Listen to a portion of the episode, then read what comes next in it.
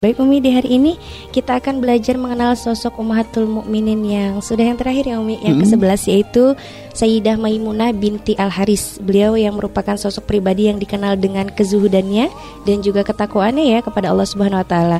Uh, para para para istri-istri Nabi pun sangat menghormati beliau karena beliau merupakan saudari dari istri paman Nabi yaitu Al Abbas bin Abdul Muttalib. Dan bagaimanakah kisah kisah beliau selanjutnya ya sehingga akhirnya Allah pilih untuk menjadi Ummahatul Mukminin. Baik, tafadhol Amin. Baik ya, Bismillahirrahmanirrahim. Assalamualaikum warahmatullahi wabarakatuh. Waalaikumsalam warahmatullahi wabarakatuh. Baik, para mendengar yang Allah Subhanahu wa taala, pada pertemuan yang lalu kita sudah menceritakan tentang Sayyidah Sofiyah. Hmm. Istri Rasulullah yang memang uh, merupakan dari apa? Yahudi ya. ya. Akan tetapi subhanallah dengan keislamannya menjadikan beliau diangkat derajatnya oleh Allah Subhanahu wa taala. Bukan hanya Islam yang menjadikan beliau diangkat akan tetapi bahkan dipilih oleh Allah untuk menjadi istri dari Nabi kita Nabi Muhammad sallallahu alaihi wasallam. Dan pada hari ini kita akan membahas tentang istri Nabi yang terakhir ya. Uh -huh. Yaitu Ummul Mukminin Sayyidah Maimunah bintil Harith ya Ummul Mukminin Sayyidah Maimunah bintil Haris ini adalah wanita yang terakhir yang dinikahi oleh Nabi kita Nabi Muhammad sallallahu alaihi wasallam. Sebelumnya kita akan berkenalan terlebih dahulu dengan keluarga beliau, nasab beliau dan sahut, uh, kerabat beliau, saudari-saudari beliau. Mm-hmm. Beliau adalah putra dari Al Harith Al Hilaliyah ya. Jadi nasab beliau ya adalah uh, Sayyidah Maimunah ya, bintil Haris ibn Hazan Al-Hilali. Ya. Jadi dan ibunda beliau adalah Hindun binti Auf ya. Uh, binti Zuhair bintil Harith uh, bin waladi min, min waladi Humatah bin Hamir ya. Jadi termasuk keluarga beliau sendiri adalah keluarga yang memang terkenal ya hmm. di kalangan Arab di bang, dalam bangsa Arab. Dan ada satu dikatakan bahwa beliau ini merupakan uh, beliau lahir 29 tahun sebelum hijrah. Hmm. Ya, 29 tahun sebelum hijrah dan beliau dinikahi oleh Nabi itu kurang lebihnya 7 tahun ya ba'dal hijrah. Berarti kalau ditambahkan 29 tahun dengan 7 tahun berarti ketika menikah dengan Nabi usia beliau 36. di sekitar 36 tahunan kurang lebihnya. Dan dikatakan ya ibunda dari Sayyidah Maimunah bintil Harith ini yaitu Hindun binti Auf bin Zuhair bin Al Haris bin Hamatah bin Humair ini ini merupakan wanita yang uh, apa disebut di kalangan bangsa Arab wanita yang memang mempunyai menantu-menantu yang terbaik. Jadi katakan menantu-menantunya ini memang hebat-hebat semuanya. Termasuk saudara kandung dari uh, siapa? Dari dari Ummul Mukminin Sayyidah Maimunah ini. Uh-huh. Ya, kita kenalan juga ya, itu adalah Ummul Fadl ya, Ummul Fadl ini adalah julukan dari Lubabah Al-Kubra bintil Harith ya. Ummul Fadl Lubabah Al-Kubra bintil Harith. Nah, Sayyidah Lubabah Al-Kubra bintil Harith ini adalah saudari dari Sayyidah dari Sayyidah Maimunah. Dikatakan ini adalah adik adik dari beliau ya. Hmm. Yang Say, uh, Sayyidah Lubabah ini menikah dengan Sayyidina Abbas ibn Abdul Muthalib yaitu paman Nabi Muhammad sallallahu alaihi wasallam. Lalu ada lagi Lubabah Sughra. Lubabah Sughra yaitu Asma uh, ibn bintil Haris ya. Lubabah Sughra Asma bintil Haris yang merupakan istri dari Walid ibn Al-Mughirah. Ya. Istri dari Walid ibn Al-Mughirah dan Asma Lubab Asma Kubur apa Lubabah Sughra ini merupakan ibunda dari Sayyidina Khalid ibn Walid. Ya, jadi ibunda Khalid bin Walid Saifullah radhiyallahu taala anhu. Lalu setelah itu setelah meninggalnya Walid ibn al-Mughirah, Lubabah Sughra ini menikah dengan Ubay bin Khalaf al-Jahmi. Lalu di situ melahirkan Ali bin Ubay. Hmm. Ada lagi saudari beliau bernama Izzah bintil Haris ya, yang itu akhirnya menikah dengan Ziyad ibn Abdullah ibn Malik al-Hilal. Nah, ini ini adalah saudari-saudari beliau dari sisi yang satu ayah, satu ibu. Gitu. Nah, selanjutnya ada lagi saudari-saudari beliau itu dari sisi ibu saja. Yaitu pertama adalah Sayyidah Asma binti Umais yang pernah menikah dengan Sayyidina Ja'far ibn Abi Thalib. Saya itu melahirkan dari pernikahan tersebut melahirkan seorang uh, melahirkan anak Abdullah Muhammad wa Aunan ya. Jadi melahirkan tiga orang anak. Pada waktu beliau wafat Sayyidina Abu uh, Ja'far ibn Abu, Abu Talib meninggal ya pada waktu perang perang Mu'tah ya pada waktu perang Mu'tah uh, itu akhirnya setelah wafatnya Sayyidina Ja'far Sayyidah Asma binti Umais itu dinikahi oleh Sayyidina Abu Bakar As-Siddiq. Dan terlahirlah uh, yaitu Muhammad ibn Abu Bakar. Dan setelah Sayyidina Abu Bakar wafat beliau dinikahi kembali oleh Sayyidina Ali ibn Abi Talib dan terlahirlah dari pernikahan beliau dengan Sayyid, dengan Sayyidina Ali terlahir seorang anak bernama Yahya. Hmm. Selanjutnya ada lagi uh, saudari beliau yaitu Salma binti Umais. Salma binti Umais ini adalah seorang wanita yang pernah menikah dengan Sayyidah Hamzah ibn Abdul Muthalib. Hmm. Dan dari situ terlahirlah seorang anak ya bernama Ammatullah, ada lagi mengatakan Umamah. Hmm ada mengatakan ada ada ada perbedaan ada mengatakan Amatullah ada mengatakan Umama binti Hamzah ya. Nah, setelah itu setelah wafat dengan setelah Sayyidina Hamzah wafat dalam perang Uhud ya hmm. maka Sayyidah Salma binti Umais ini menikah kembali dengan menikah dengan hmm, apa namanya Syaddad ibn Usama ibn Al Hadi Al Laythi dan dari situ terlahirlah uh, anak yaitu Abdullah dan Abdurrahman. Hmm. Selanjutnya kita beliau punya lagi saudari seibu yaitu Salamah ya binti Umais dan pernah menikah dengan Abdullah ibn Ka'ab. Ya, tapi tidak disebutkan anaknya siapa. Yeah. Dan termasuk juga saudara perempuan beliau uh -huh. uh, dari ibu ya yang pernah kami sampaikan uh -huh. bahwa beliau juga bersaudara dengan bahwa bahwa Sayyidah Maimunah ini punya saudari juga yaitu Sayyidah Zainab binti Khuzaimah. Hmm. Sayyidah Zainab binti Khuzaimah ini adalah istri dari Nabi Muhammad Sallallahu Alaihi Wasallam yang kelima ya, mm-hmm. yang kelima yang beliau meninggal ya tidak lama setelah menikah dengan Nabi ya, mm-hmm. itu sudah pernah kita ceritakan pada pertemuan yang lalu yeah. dan sebelumnya uh, Sayyidah Zainab binti Khuzaimah ini menikah dengan uh, Abdullah ibn Jahash ya yang ini termasuk uh, sahabat yang wafat pada waktu perang Uhud. Lalu akhirnya waktu perang Uhud lalu dinikah setelah itu dinikahi oleh Rasulullah Shallallahu Alaihi Wasallam. Yang Sayyidah Zainab binti Khuzaimah ini mendapatkan julukan Ummul Masakin. Mm-hmm. jadi memang uh, dikatakan ini memang menantunya memang masya Allah semua. Allah. bahkan termasuk yang bernama Walid mm-hmm. uh, ibn al Mughirah ayahanda dari Sayyidina Khalid ibn Walid. Mm-hmm Walid al-Mughirah ini ini memang tidak masuk Islam. Mhm. Bahkan termasuk orang yang memang memusuhi Nabi Muhammad SAW sampai matinya gitu ya. Akan tapi memang kalau di secara uh, apa di kalangan orang Arab gitu ya, mhm. Walid al-Mughirah ini termasuk menantu yang uh, termasuk orang kaya ya. Dia dapat mendapatkan pak julukan itu Abdus Syam. Mhm. Dia sangat kaya ya ketika orang-orang Makkah saat itu ingin mengganti uh, bajunya Ka'bah itu mereka harus sumbangan dulu hmm. ibarat orang Makkah sumbangan untuk bisa menggantikan bajunya Ka'bah hmm. akan tapi Walid ini dengan kekayaannya cukup dia sendiri pun dia mampu ya jadi memang kaya banget gitu ya hanya ya subhanallah tidak diberikan hidayah oleh Allah Subhanahu taala hmm. sehingga akhirnya menjadi orang yang membenci nabi dan uh, matinya adalah tiga bulan setelah Nabi hijrah itu tidak disebutkan seperti apa.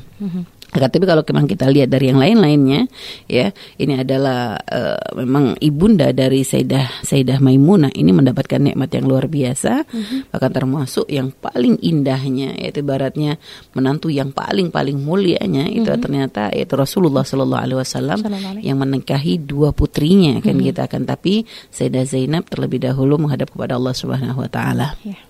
Baik, itu perkenalan sekilas kita dengan Sayyidah Maimunah binti Al-Harith ya. Dan pernikahan beliau ini terjadi pada tahun ke-7 ya, mm-hmm. setelah kurang lebihnya. Pada waktu itu Rasulullah melakukan umrah qada. Nah, jadi pada waktu Rasulullah melaksanakan umrah qada. Dan ini kenapa Rasulullah kok melakukan umrah qada pada waktu itu? Mm-hmm. Jadi ini terjadinya setelah Sulhul Hudaybiyah. Jadi pada setahun sebelumnya gitu ya Rasulullah dan para sahabat per, pernah pernah melakukan perjalanan dari Madinah ke kota Mekah untuk melaksanakan ibadah haji ya. Uh-huh. Akan tetapi ternyata uh, Nabi dihalangi gitu ya.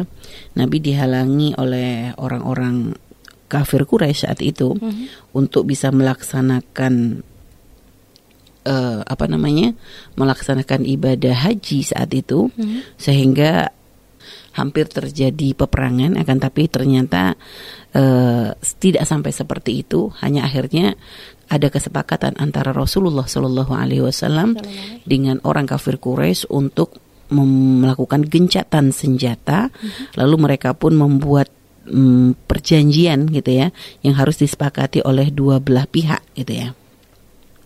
Adapun perjanjian uh, di antara perjanjian Hudaybiyah itu ya. Hmm.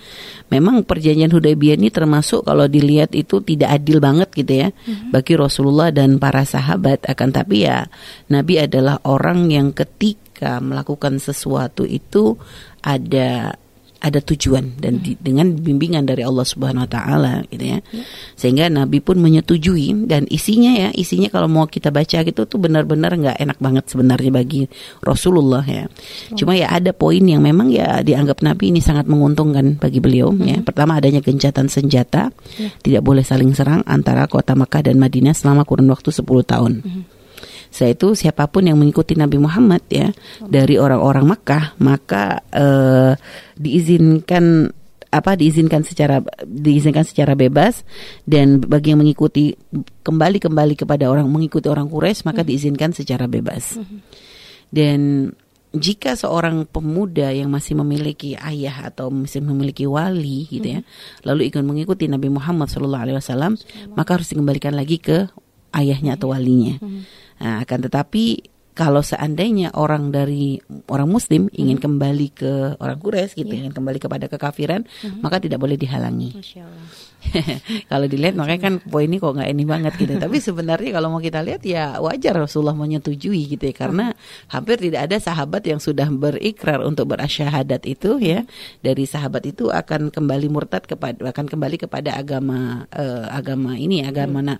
agama dengan kekafirannya yaitu kembali kepada jahiliyahannya. Hmm. Hanya mungkin waktu kemarin kita dengar kisah suami daripada Sayyidah Sayyidah Ummu Habibah ya. Mm-hmm. Uh, Sayyidah Ummu Habibah atau Sayyidah Romlah eh, putri dari Abu Sufyan ya. Mm-hmm. Itu memang kafir tapi pun bukan kembali ke agama bukan bukan bukan mengambil jahil bukan kembali ke jahiliyah artinya bukan bukan kafir Quraisy kan. Mm-hmm. Dia bukan agama bukan agama bukan sebenarnya ya. ya. Nah, hanya mereka waktu itu dia memilih Nasrani, Nasrani. kan gitu suaminya. Iya. Mm-hmm. Nah, dan juga uh, apa namanya? tidak ada dari sahabat itu yang kembali lagi ke ke kafir, ke kafir Quraisy gitu ya, tidak ada.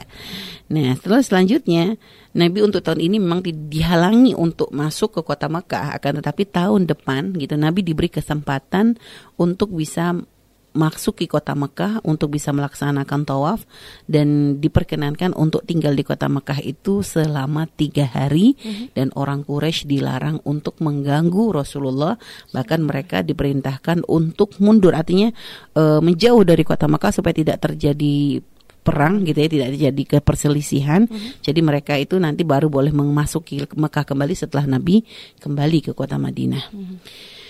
Nah, ini ini berlaku gitu ya. Perjanjian ini berlaku gitu ya. E, dan pada waktu tahun berikutnya gitu ya, maka Rasulullah dan waktu perhajian Hudaybiyah ini termasuk kisah yang pernah kita ceritakan.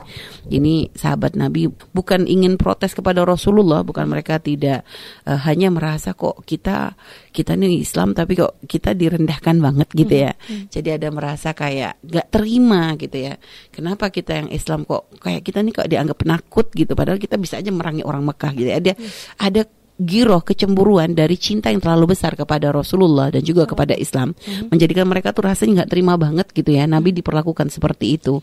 Belum lagi dalam penulisan dalam Sulhul Hudaybiyah tuh nama Nabi nggak boleh disebut Rasulullah tuh tidak boleh. Jadi hanya Muhammad Muhammad jadi hanya begitu. Hmm. itu menjadikan mereka semakin kayak uh, apa merasa marah gitu kepada orang-orang kafir Quraisy sehingga makanya ketika Nabi memerintahkan mereka untuk menyembelih kurban dan juga tahallul itu kan mereka tidak mengikuti gitu ya hmm. bukan bukan karena terlalu sok mungkin ya dengan kejadian tersebut gitu hmm. makanya sehingga akhirnya uh, waktu itu Sayyidah Ummu Salamah yang menyarankan kepada Nabi hmm. ini sudah pernah kita ceritakan pada pertemuan yang lalu yeah.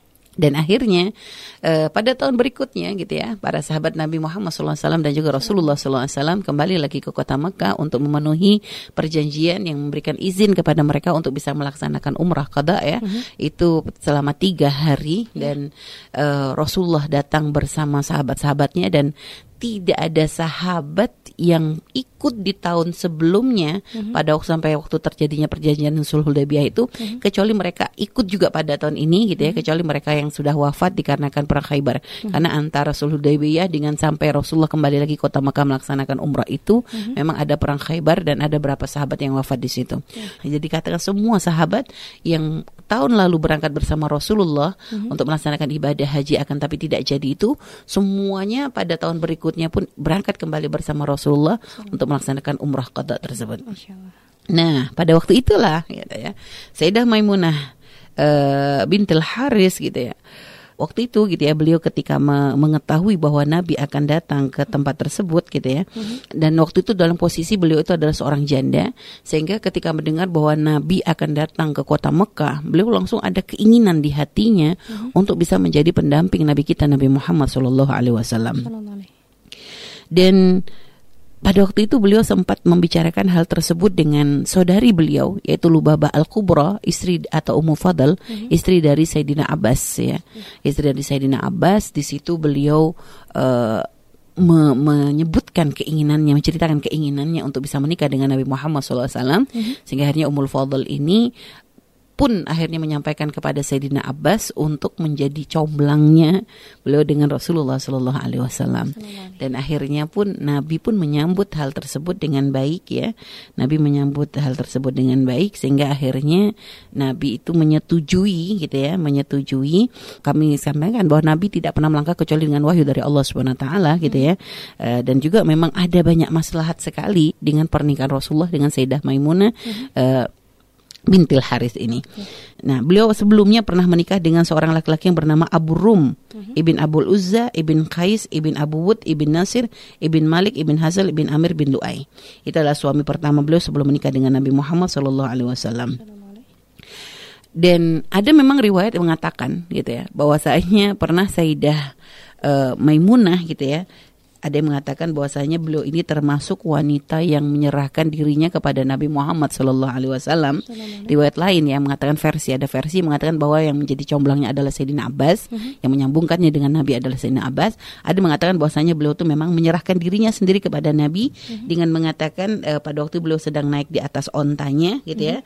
Uh, lalu setelah itu dia berkata kepada Rasulullah al-ba'ir wa ma'alaihi lillahi wa rasulih al-ba'ir wa ma'alaihi dan onta ama yang di atasnya itu adalah milik Allah dan Rasulnya. Jadi makanya ini sampai ada turun ayat yang menyinggung hal tersebut gitu ya. Ada ayat yang dalam surat Al-Ahzab ayat 50 hmm. wa mra'atan mu'minatan in wahabat nafsaha nabi in arada nabi ayyastankiha khalisatan laka min dunil mu'minin. Dan seorang perempuan mukminah menyerahkan dirinya kepada nabi dan kalau nabi mau menikahinya sebagai pengkhususan bagimu ini adalah bukan untuk semua orang mukmin gitu ya. Hmm. Artinya memang uh, sebagian ulama menafsiri bahwasanya ayat ini berkenaan dengan Sayyidah Maimunah. Hmm. Akan tapi ada mengatakan ada khilaf ya, biasa biasa ada perbedaan. Cuma memang pendapat yang kuat yang mengatakan adalah yang menikahkan beliau adalah Sayyidina Abbas. Hmm. Jadi yang menjadi perantara adalah Sayyidina Abbas dan yang menikahkannya pun adalah Sayyidina Abbas. Hmm. Jadi walinya waktu itu adalah menjadi wakil beliau adalah Sayyidina Abbas. Abbas. Baik. Jadi uh, Sayyidah Maimunah ini gitu ya. Sayyidah Maimunah saat itu Rasulullah ada yang mengatakan ini. Nah, ini termasuk juga gitu ya. Ada yang mengatakan bahwasanya Rasulullah ketika menikahi Sayyidah Maimunah itu dalam keadaan beliau sedang berihram. Mm-hmm. Akan tapi pun ternyata ditentang oleh para ulama karena memang ketika orang berihram maka tidak boleh ada pernikahan, mm-hmm. tidak boleh ada akad nikah dan sebagainya. Makanya uh, ada khilaf memang, ada khilaf, ada yang mengatakan ini diperkenankan mm-hmm. asalkan tidak ada tidak dikumpuli. Yeah. Uh, akan tapi pendapat yang paling kuat mengatakan tidak ada, tidak ada pernikahan. Jadi pendapat kuat mengatakan bahwa Nabi menikahi menikahi Sayyidah uh, Sayyidah Sayyidah Maimunah gitu itu adalah ketika beliau sudah bertahalul. Hmm. Jadi Nabi sudah bertahalul baru terjadilah pernikahan antara Nabi Muhammad uh, dengan Sayyidah Maimunah radhiyallahu taala anha. Dan ketika Nabi uh, setelah menikah dengan Sayyidah Maimunah gitu ya Nabi memberikan maharnya ini memang ada khilaf ada pendapat mengatakan tapi memang pendapat kuat mengatakan rata-rata Nabi itu memberikan mahar kepada istri beliau itu adalah 400 dirham hmm. 400 dirham dan saat itu gitu ya setelah pernikahan Nabi pun ingin uh, apa mengadakan makan gitu ya makan ya mengundang untuk kayak walimatul urus begitu ya hmm. akan tapi ternyata orang-orang kafir Quraisy itu karena waktu Nabi sudah habis sudah tiga hari di situ hmm. maka mereka mendatangi Rasulullah SAW untuk oh. mengusir kembali Rasulullah dari kota Mekah gitu ya. Hmm. Sehingga waktu itu Nabi mengatakan kalau kalian berikan aku kesempatan maka aku akan kayak mengundang kalian untuk acara pernikahan beliau dengan Sayyidah Maimunah. Hmm. Akan tetapi ternyata orang kafir itu dengan tanggapan yang kurang ajar begitu mengatakan kami tidak butuh untuk mendapatkan makanan darimu. Hmm. Waktumu sudah habis maka segera aku pergi dari kota Mekah. Hmm. Dan akhirnya gitu ya Nabi kita Nabi Muhammad Shallallahu Alaihi Wasallam pun akhirnya keluar uh, menempuh perjalanan ya untuk kembali ke kota ke kota Madinah. Baik, terima kasih Umi. Kita akan break sejenak ya. Tetap stay ya bersama kami. Baik, uh, kita akan melanjutkan uh, siro berikutnya ya tentang Sayyidah Maimunah Al Haris ini kehidupan beliau setelah menikah dengan Rasulullah ya Umi. Baik, baik ya. Jadi kalau bahasa kehidupan beliau setelah menikah tidak banyak diceritakan ya. Uh-huh. Hanya mungkin kita akan semakin menjelentrehkan lagi tentang biasanya para istri-istri Nabi Muhammad SAW ada korinah, gitu ada ada mukaddimah ketika akan menikah dengan Nabi. Uh-huh. Uh, bagaimana kadang mereka bermimpi gitu ya, tidak yeah. sedikit yang bermimpi bulan jatuh Betul, dan sebagainya. Tapi kalau memang dalam kisah Sayyidah Maimunah ini tidak banyak diceritakan. Uh-huh. Hanya saja memang uh, kedekatan saudari-saudari Sayyidah Maimunah dengan Rasulullah SAW ada menikah dengan paman Nabi ada menikah dengan sepupu Rasulullah ini menjadikan uh, beliau pun dan beliau adalah seorang mukminah gitu walaupun beliau berada di kota Makkah saat itu tapi hmm. dalam keadaan beliau beriman hmm. maka sampai Rasulullah sendiri pun menyanjung beliau dan saudari-saudarinya mengatakan al akhwat mukminat gitu ya al akhwat mukminat jadi maksudnya menyebutkan saudari-saudari perempuan yang beriman hmm. artinya memang menunjukkan keutamaan itu adalah Maimunah zaujun Nabi ya yeah. setelah itu wa ummul fadl bintil Harith hmm. wa Salma imra'atu Hamzah wa Asma binti Umais hiya uh, ukhtuhna li ummihinna. Jadi menyebutkan saudari-saudari Sayyidah Maimunah itu adalah yang termasuk uh, orang wanita-wanita dengan keimanan yang luar biasa. Uh-huh. Itu adalah Sayyidah Maimunah, lalu Ummul Fadl uh, yaitu istri dari Sayyidina Hamzah, setelah itu Salma uh, atau Hamzah okay. dan juga termasuk Sayyidah Asma binti Umais. Ini adalah wanita-wanita yang luar biasa. Nah, dari situlah dari melihat kedekatan uh, saudari-saudarinya dengan Rasulullah menjadikan ada kerinduan di hati beliau pun untuk menjadi bagian dari dari hal uh, dari hal tersebut gitu sehingga akhirnya beliau pun menawarkan dirinya dan sangat didukung gitu ya oleh oleh saudari-saudarinya hmm. terutama Ummul Fadl yang akhirnya menjadi men, menyampaikan kepada Sayyidina Abbas untuk menjadi penyambung hmm. antara Rasulullah dengan Sayyidah Maimunah bintil Haris ini. Akan tetapi gitu memang pada waktu itu ketika setelah Rasulullah menikahi beliau itu hmm. ya Rasulullah tidak sempat untuk uh, mendatangi beliau di kota Mekah ya karena kan memang tadi seperti yang sampaikan ketika sudah terjadi pernikahan ya Rasulullah ketika akan mengadakan acara uh-huh untuk ya arusah untuk memberikan makan gitu ternyata ternyata diusir oleh orang-orang Quraisy saat itu sehingga hmm. akhirnya Rasulullah pun keluar ya. sehingga uh, Rasulullah mendatangi Sayyidah Maimunah itu ya hmm.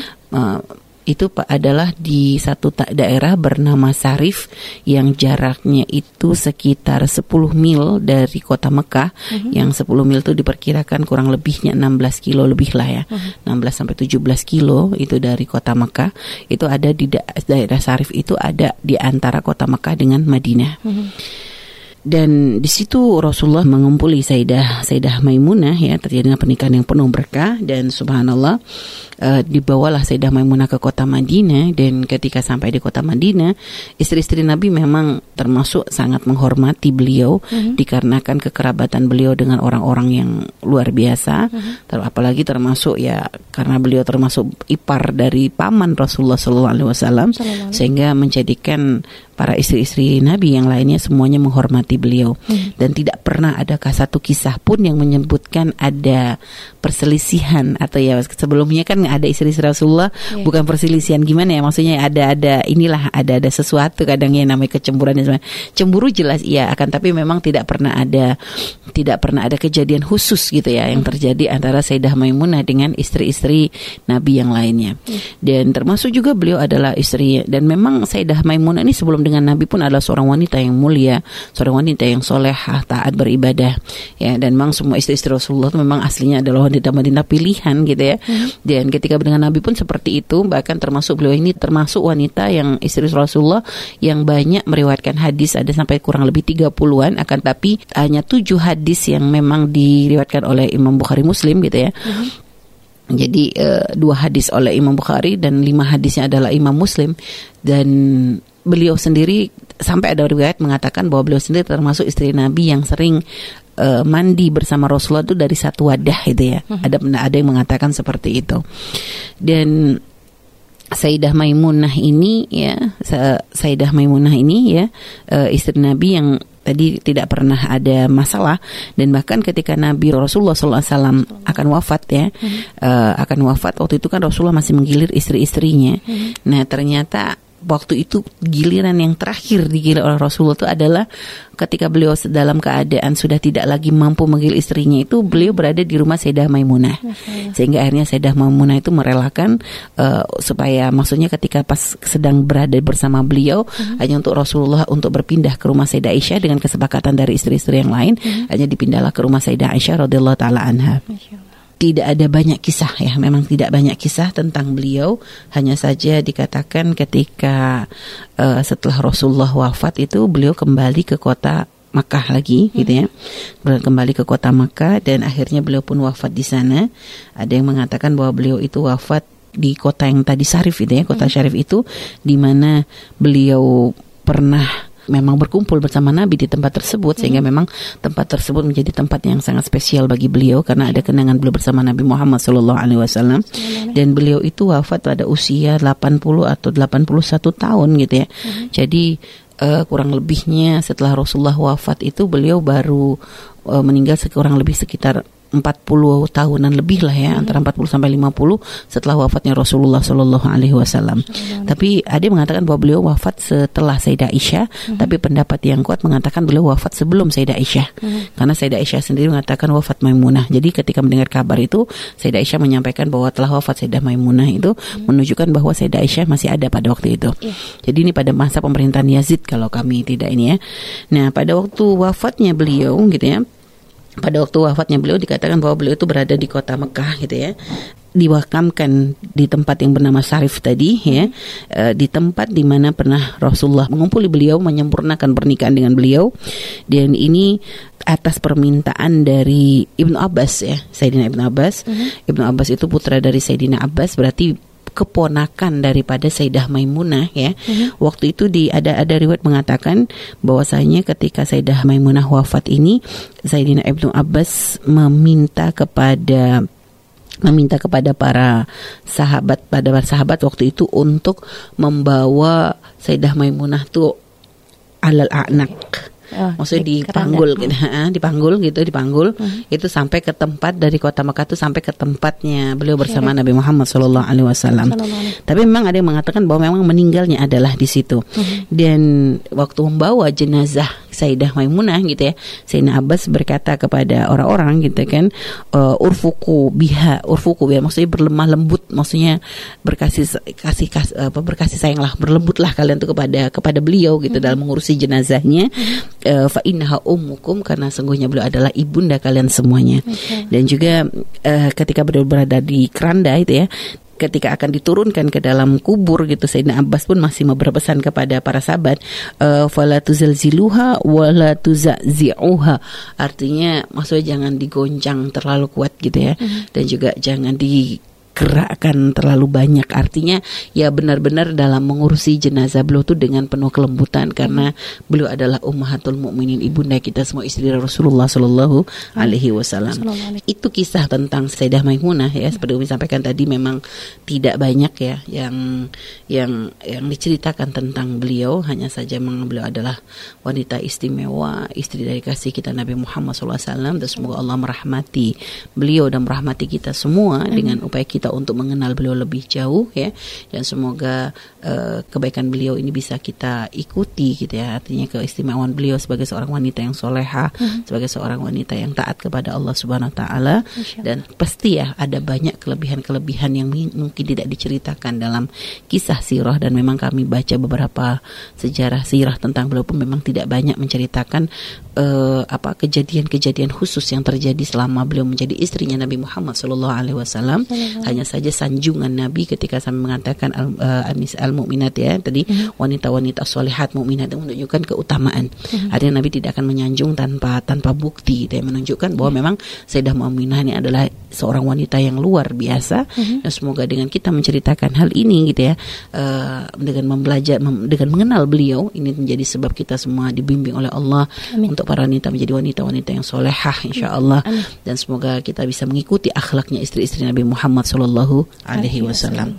dan mungkin kalau mau kita uh, rentet lagi ke belakang ya berarti istri-istri Nabi Muhammad SAW dan juga untuk menyegarkan kembali ingatan para sahabat ya. Mm-hmm. Ini adalah dari pertama kita ulang Sayyidah Khadijah binti Khuwailid ya, mm-hmm. Sayyidah Saudah binti Zam'ah, lalu Sayyidah Aisyah binti Abi Bakrin, mm-hmm. ya yang keempat adalah Sayyidah Hafsah binti Umar bin Khattab, mm-hmm. yang selanjutnya adalah Sayyidah Zainab Ummul Masakin atau binti Khuzaimah ya, mm-hmm. dan selanjutnya adalah Ummu Salamah ya lalu adalah Sayyidah Zainab binti Jahash ya, uh-huh. Sayyidah Sayyidah Sayyidah Juwairiyah ya, Sayyidah Sayyidah Ummu Habibah ya, Sayyidah Sofia binti Huyai dan Sayyidah Maimunah binti Al-Harith uh-huh. ini.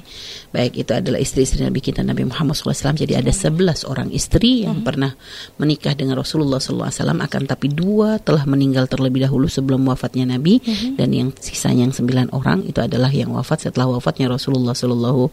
Alaihi Wasallam. Baik ini saja. Wallah Terima kasih Umi. Alhamdulillah Umi kita sudah di penghujung waktu ya. Diminta untuk menarik kesimpulan dan juga ditutup dengan doa keberkahan Umi. Baik ya, subhanallah tadi Sayyidah Maimunah binti Haris istri Rasulullah yang terakhir ya yang sudah kita ceritakan dan e, kesimpulannya adalah untuk bisa mendapatkan pasangan yang baik maka jadikan dari kita baik. Dan insya Allah ya kemuliaan kita bukan pada fisik. Kemuliaan kita bukan pada nasab, akan tapi kemuliaan kita adalah pada akhlak kita, pada iman ketakwaan yang ada pada diri kita. Dan belajarlah dari istri-istri Rasulullah SAW bagaimana mereka menjadi wanita-wanita yang masya Allah yang luar biasa. Mereka wanita-wanita pilihan Allah Subhanahu Taala yang semuanya punya kelebihan-kelebihan yang subhanallah gitu ya. Menjadikan pangkat mereka diangkat tinggi oleh Allah Subhanahu Taala bisa menjadi pendamping bagi Nabi Muhammad Sallallahu Alaihi Wasallam.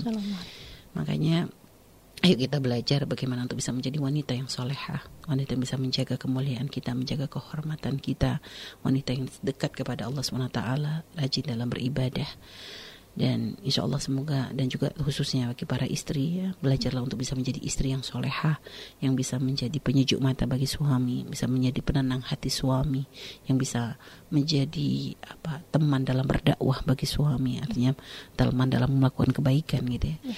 Artinya belajar dengan apa yang Allah berikan kepada kita maka jadikan semua yang Allah berikan kepada kita jalan kita untuk semakin dekat kepada Allah Subhanahu wa taala